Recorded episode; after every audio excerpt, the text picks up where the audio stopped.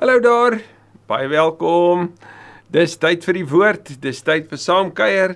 Dis tyd vir saam leer en saam ontdek. Indien jy nie by ons is, wil ons vir jou van harte welkom sê. Onthou die vorige video's, al die notas en dis meer is alles beskikbaar. Dankie vir almal wat ook vir ons laat weet op 'n weeklikse basis van van wat hierdie vir jou beteken, van wat dit met jou doen vir die groepe wat vir ons kom sê, maar ek en my Bybelstudie groep is hiermee besig. Ons is so so dankbaar vir dit wat net die Here doen. So waar ook al jy is vandag op jou reis en waar ook al jy is in die wêreld, dit is regtig my gebed dat die Here dit wat ons vandag gaan hoor ook sal gebruik om ons te kom aanraak, te kom bemoedig, te kom versterk, maar ook waar nodig te kom aanspreek met die groot waarskuwing van wat in die wêreld gebeur en dat ons dit nie gering moet skat nie. Veral nie in die lig van die ewigheid en die waarskuwing dat die Messias kom. En is ek reg vir sy koms? Is ek reg vir die koms van die koning wanneer hy sy bruid kom haal? Kom ons bid saam. Dankie Here vir vandag. Dankie vir hierdie oomblik. Dankie dat ons saam met Johannes in hierdie toneel van die beheersentrum van die heelal en die troonkamer van die hemel regtig kan hoor hoe die lam wat waardig is wat die seël oopmaak en die en elke seël breek en al hoe groter hierdie aankondiging wat in die boekrol staan vir ons ook vandag kom kom vertel en mag ons ook in ons denke daarna Here nie angsbevang of onseker wees nie maar regtig bemoedig en oop in ons harte ook daarna kyk en luister en, en ja mag dit ons harte so raak dat ons verstaan wat dit vir ons beteken en ons uitleef daarvan. Ons het dit nodig en ons moet eerlik sê ons koppe is maar klein, Here. So kom help ons om te verstaan, om dieper te verstaan in Jesus se naam. Amen. Amen. Die vorige 2 weke het ons stil gestaan by daai twee pragtige hoofstukke, hoofstuk 4 en 5, wat ons neem na die troonkamer van die hemel toe. En en waar ons sien hoe pragtig die troon is en die kleurvolheid daarvan en die gedruis en al die dinge rondom dit. En dan sien ons dat by die troon is die lam die lam wat die leeu uit die stam van Juda is, die leeu wat waardig is om die boekrol te neem. En wanneer hy dit neem, dan sien ons maar hierdie leeu is 'n lam. En vanuit dit is daar drie aankondigings en elkeen van hierdie drie aankondigings word gekoppel met 'n waarskuwing. 'n Waarskuwing teenoor die wêreld wat sê wat hulle wil oproep tot bekering, wat vir hulle sê dat God se oordeel gaan aanbreek en elkeen van hierdie hierdie gebeure gebeur wanneer Jesus by die hemel aankom. As dit ware in die eindtyd wat aanbreek. Wanneer Jesus klaar sy werk op aarde voltooi het die hemel instap dan hoor ons hierdie geleenthede en die eerste daarvan is die lees van die boekrol en die breek van die sewe seels. Nou ons gaan vandag na 6 van hierdie sewe seels se aankondiging kyk en hoor mooi dit is elke keer iets wat hulle fisies beleef het wat vir hulle bekend was maar wat ook iets vir hulle beteken het in terme van die aanmoediging. Wanneer Johannes dit sien in die hemel en weet wat dit sê en neerskryf vir die lesers op aarde. Want ons beweeg tussen die tyd van die opstanding en die wederkoms. Ons beweeg tussen die ruimtes van die aarde en die hemel. En met dit in gedagte, kom ons spring weg met Openbaring 6 vers 1. En toe terloop net voor dit, gaan lees gerus Markus 13 as 'n lekker stukkie agtergrond vir hoofstuk 6 van Openbaring. Die eerste 4 seels word oopgemaak. Ek het gesien toe die lam die eerste van die sewe seels oopmaak. Nou hierdie hierdie oopmaak van hierdie boekrol natuurlik is die onthulling van God se raadsplan, dit wat nou gaan voorlê. En ek het een van die vier lewende wesens hoor sê. Daai vier lewende wesens is hulle wat voor die troon staan, wat die ganse skepping verteenwoordig, die magdiere, die wilde diere, die voëls en die mens. So een van hierdie vier lewende wesens het gesê, soos die knal van 'n donderslag, het hy gesê, gaan uit. So ons hoor weer die klank in die hemel. Hoor ook die ekko daarin. So die seël word oopgemaak en die die die een van die vier lewende wesens keer of kondig dit aan. Vers 2: Ek het gesien daar was 'n wit perd. Sy ruiter het 'n pyl en boog gehad. Nou, as ek en jy 'n wit perd en en 'n ruiter bymekaar sit, ek weet dan dink ons onmiddellik aan Openbaring 19, nê, waar die ruiter op die wit perd natuurlik Christus is. Nou, William Hendriksen hardloop hiermee met hierdie beeld van van Christus wat ook hier verteenwoordig word en dat die drie ander perde ondergeskik is aan hom. Maar met 'n dieper nakyk hierna en ek staan op die skouers van weet geleerdes soos Jan Dirant en Stefan Joubert sal ek en jy besef dat hierdie veral hierdie witperd dui op dwaaleer en jy gaan sien hoe die ander 3 juis hiermee saamwerk en hoe presies dit inpas in wat hier gebeur. Want sien hierdie witperd, hierdie ruiter daarop is 'n nabootsing van die ruiter van Openbaring 19. Hy boots hom na en hy wil graag so lyk. Like. Dit neem my nogal na 2 Korintiërs 11 toe. Waar daar sê dat dat die Satan hom vermom as 'n engel van die lig. So hy kom in 'n skynglans. Dit lyk soos die waarheid, maar dit is nie die waarheid nie. Maar waar die ruiter op die wit perd van Openbaring 19 'n swaard in sy hand het, het hierdie ruiter 'n pyl en boog. So hy's anders. En ons weet dat Apollo in die tyd toe Johannes hierdie neer gesien het en neergepen het, was Apollo wat die seun van Zeus was, wat aanbid was deur die Romeine, deur die Grieke, was die simbool vir hom 'n pyl en boog. Hulle het hom geken as die man met die pyl en boog in die hand. So, die seun van Zeus, die een wat besig is om om te vermom, die een wat besig is met dwaaleer. Dis die een wat hier uitbeweeg in hierdie oordeelsaankondiging. 'n Oorwinnaarskroon is aan hom gegee. Nou natuurlik is 'n 'n ruiter op 'n perd in 'n in 'n hemelse omgewing natuurlik iets wat simbolies was van oorwinning. Maar daar's iets baie ironies hieraan. Want hierdie ruiter op hierdie perd is alsbehalwe die oorwinnaar. Hy is die oorwonne een. Maar dit lyk so want in die voorgee en in die glans van voorgee en dwaaleer lyk dit soos die waarheid. Oorwinnaarskroon is aan hom gegee en hy het as oorwinnaar uitgegaan om nog verder te oorwin.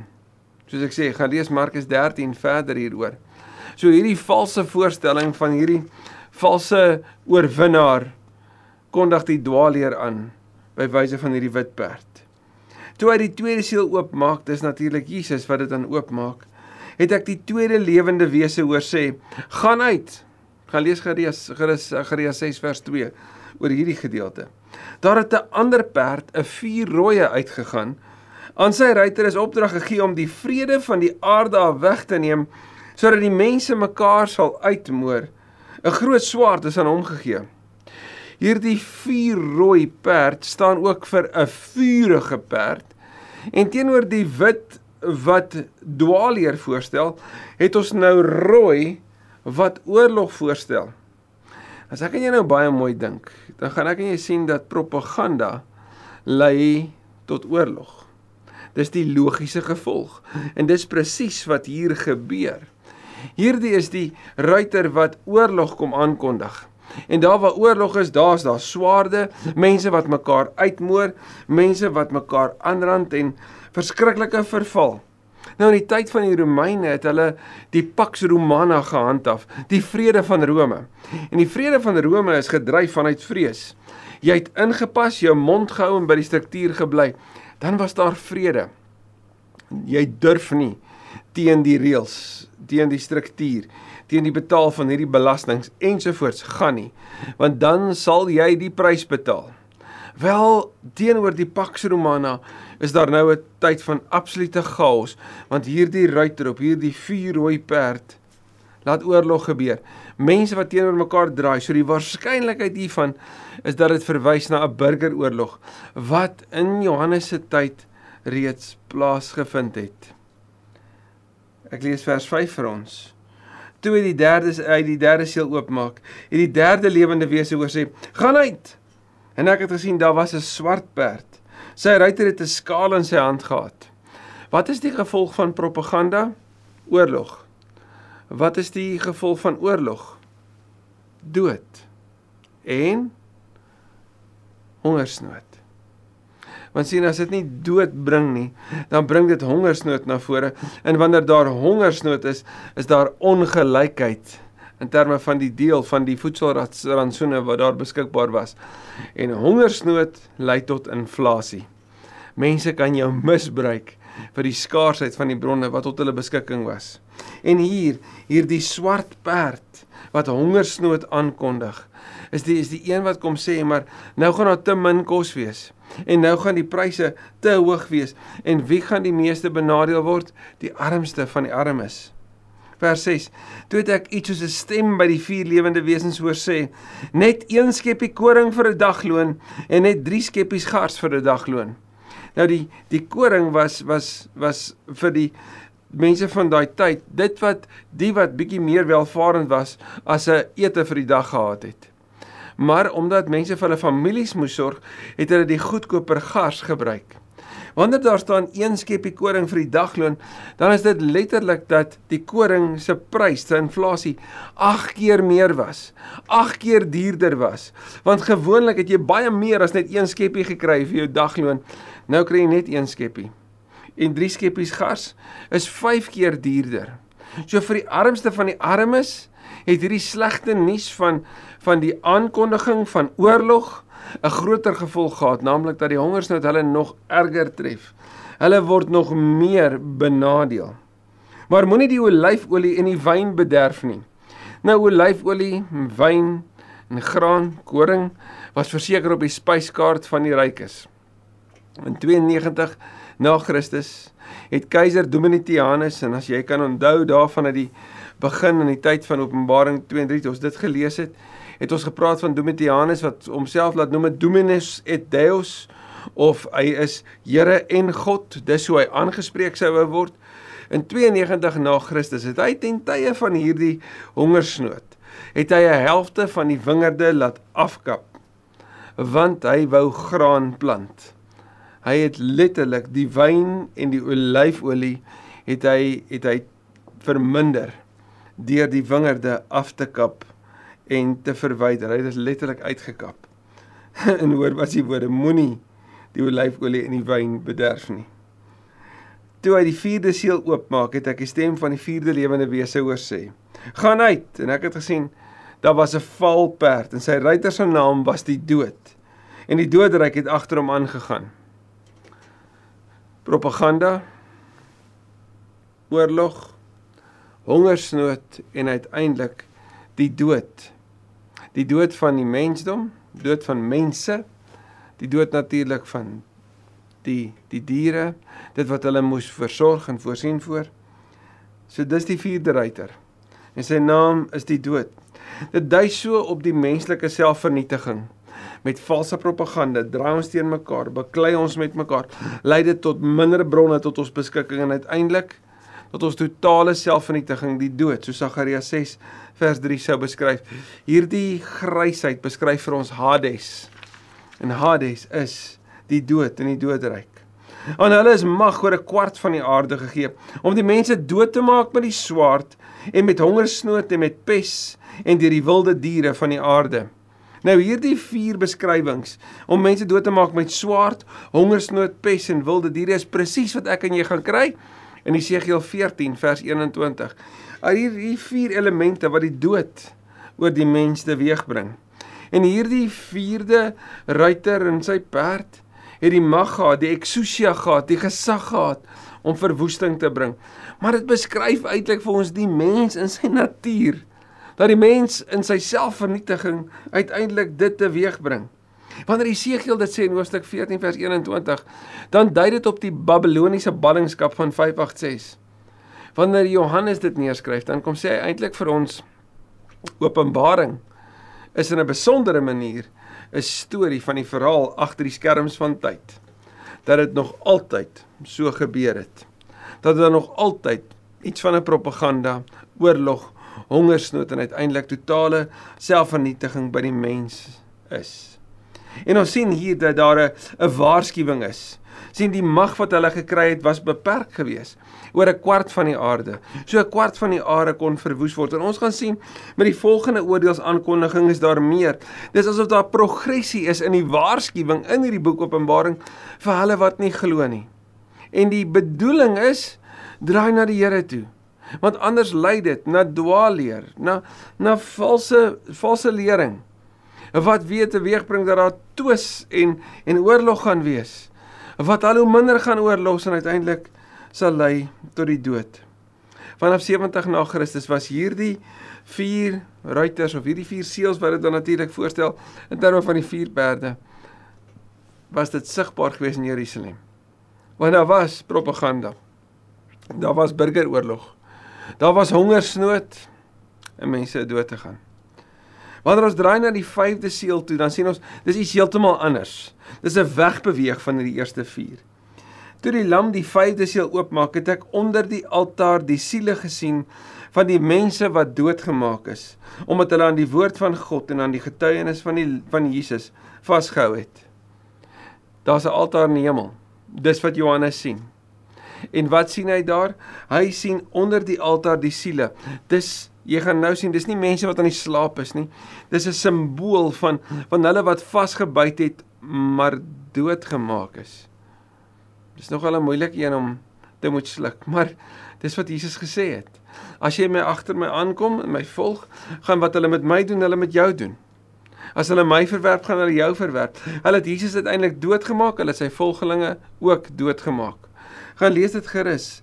As jy ek dink byvoorbeeld aan aan Johannes 16 en dis meer.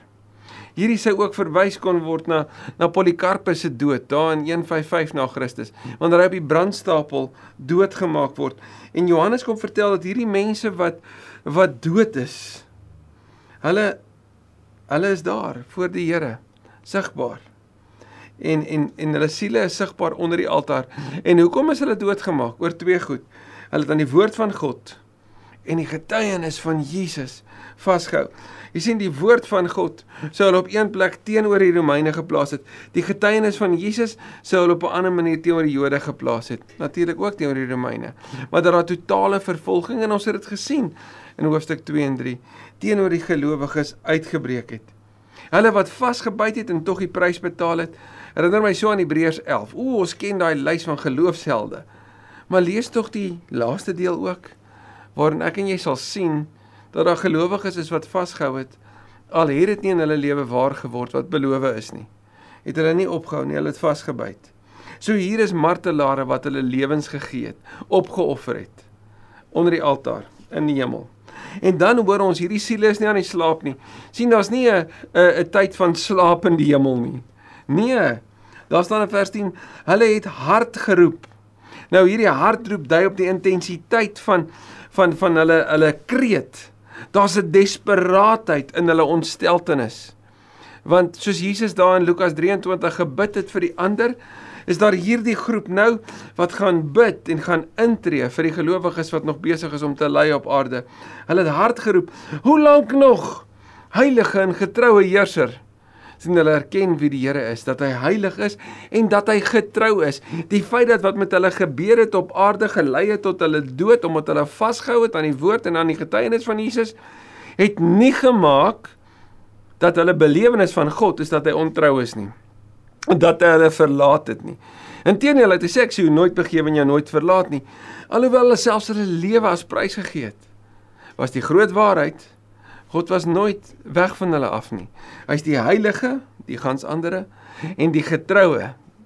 Hy wat vir ons beloof hy is vol liefde en trou. Gaan kyk maar daarin in Eksodus 34. Nou noem hulle en vra hulle, hoe lank nog heilige en getroue heerser? Wanneer voltrek u die oordeel en wreek u ons dood op die bewoners van die aarde? Gelowiges wat sê, Here, dan moet wraak wees op hulle wat ons wat aan u vasgehou het. Met ander woorde op ons vyande. Moet daar wraak uitgegiet word. Wanneer gebeur dit? Hulle het hierdie desperate afwagting dat daar 'n einde gaan gebeur dat dit verby sal wees. Dis hulle groot groot verwagting. Jesus se voorspelling in Markus 13 en Johannes 16 dat dit met hulle sleg sal gaan, het waar geword. Hulle het dit beleef. En nou wil hulle weet goed, nou moet die einde kom. Wanneer nog? Wanneer is dit verby? Wanneer wreek u u oor op die bewoners van die aarde? Nou praat ons van die mense onder die hemel, hulle wat nie glo nie. Hulle wat die gelowiges so geweldig te nagekom het. Aan elkeen van hulle is daar 'n lang wit klere gegee. Nou hierdie lang wit klere herinner ons aan die lang wit kleed wat Jesus gedra het.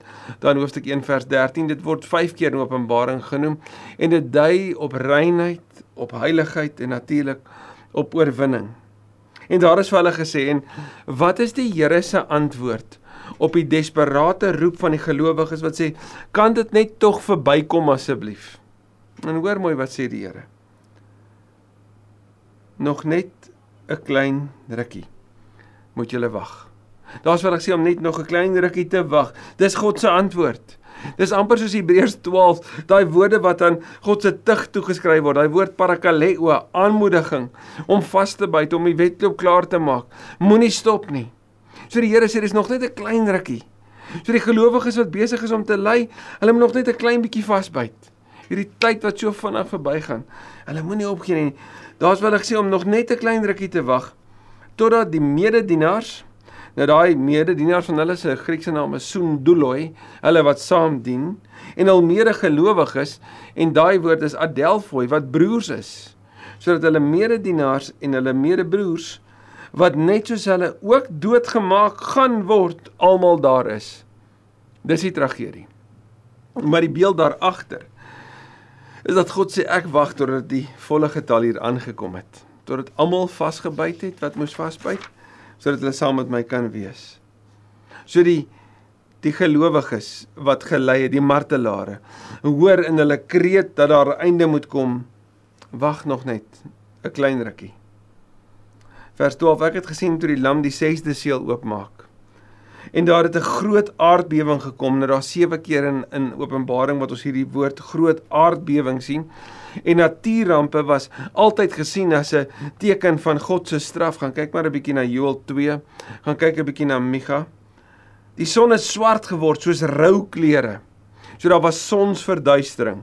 En hierdie swart rou klere was letterlik 'n 'n 'n jas gewees of 'n mantel as jy wil wat van harige bokvel gemaak was om rou en en hartseer aan te dui.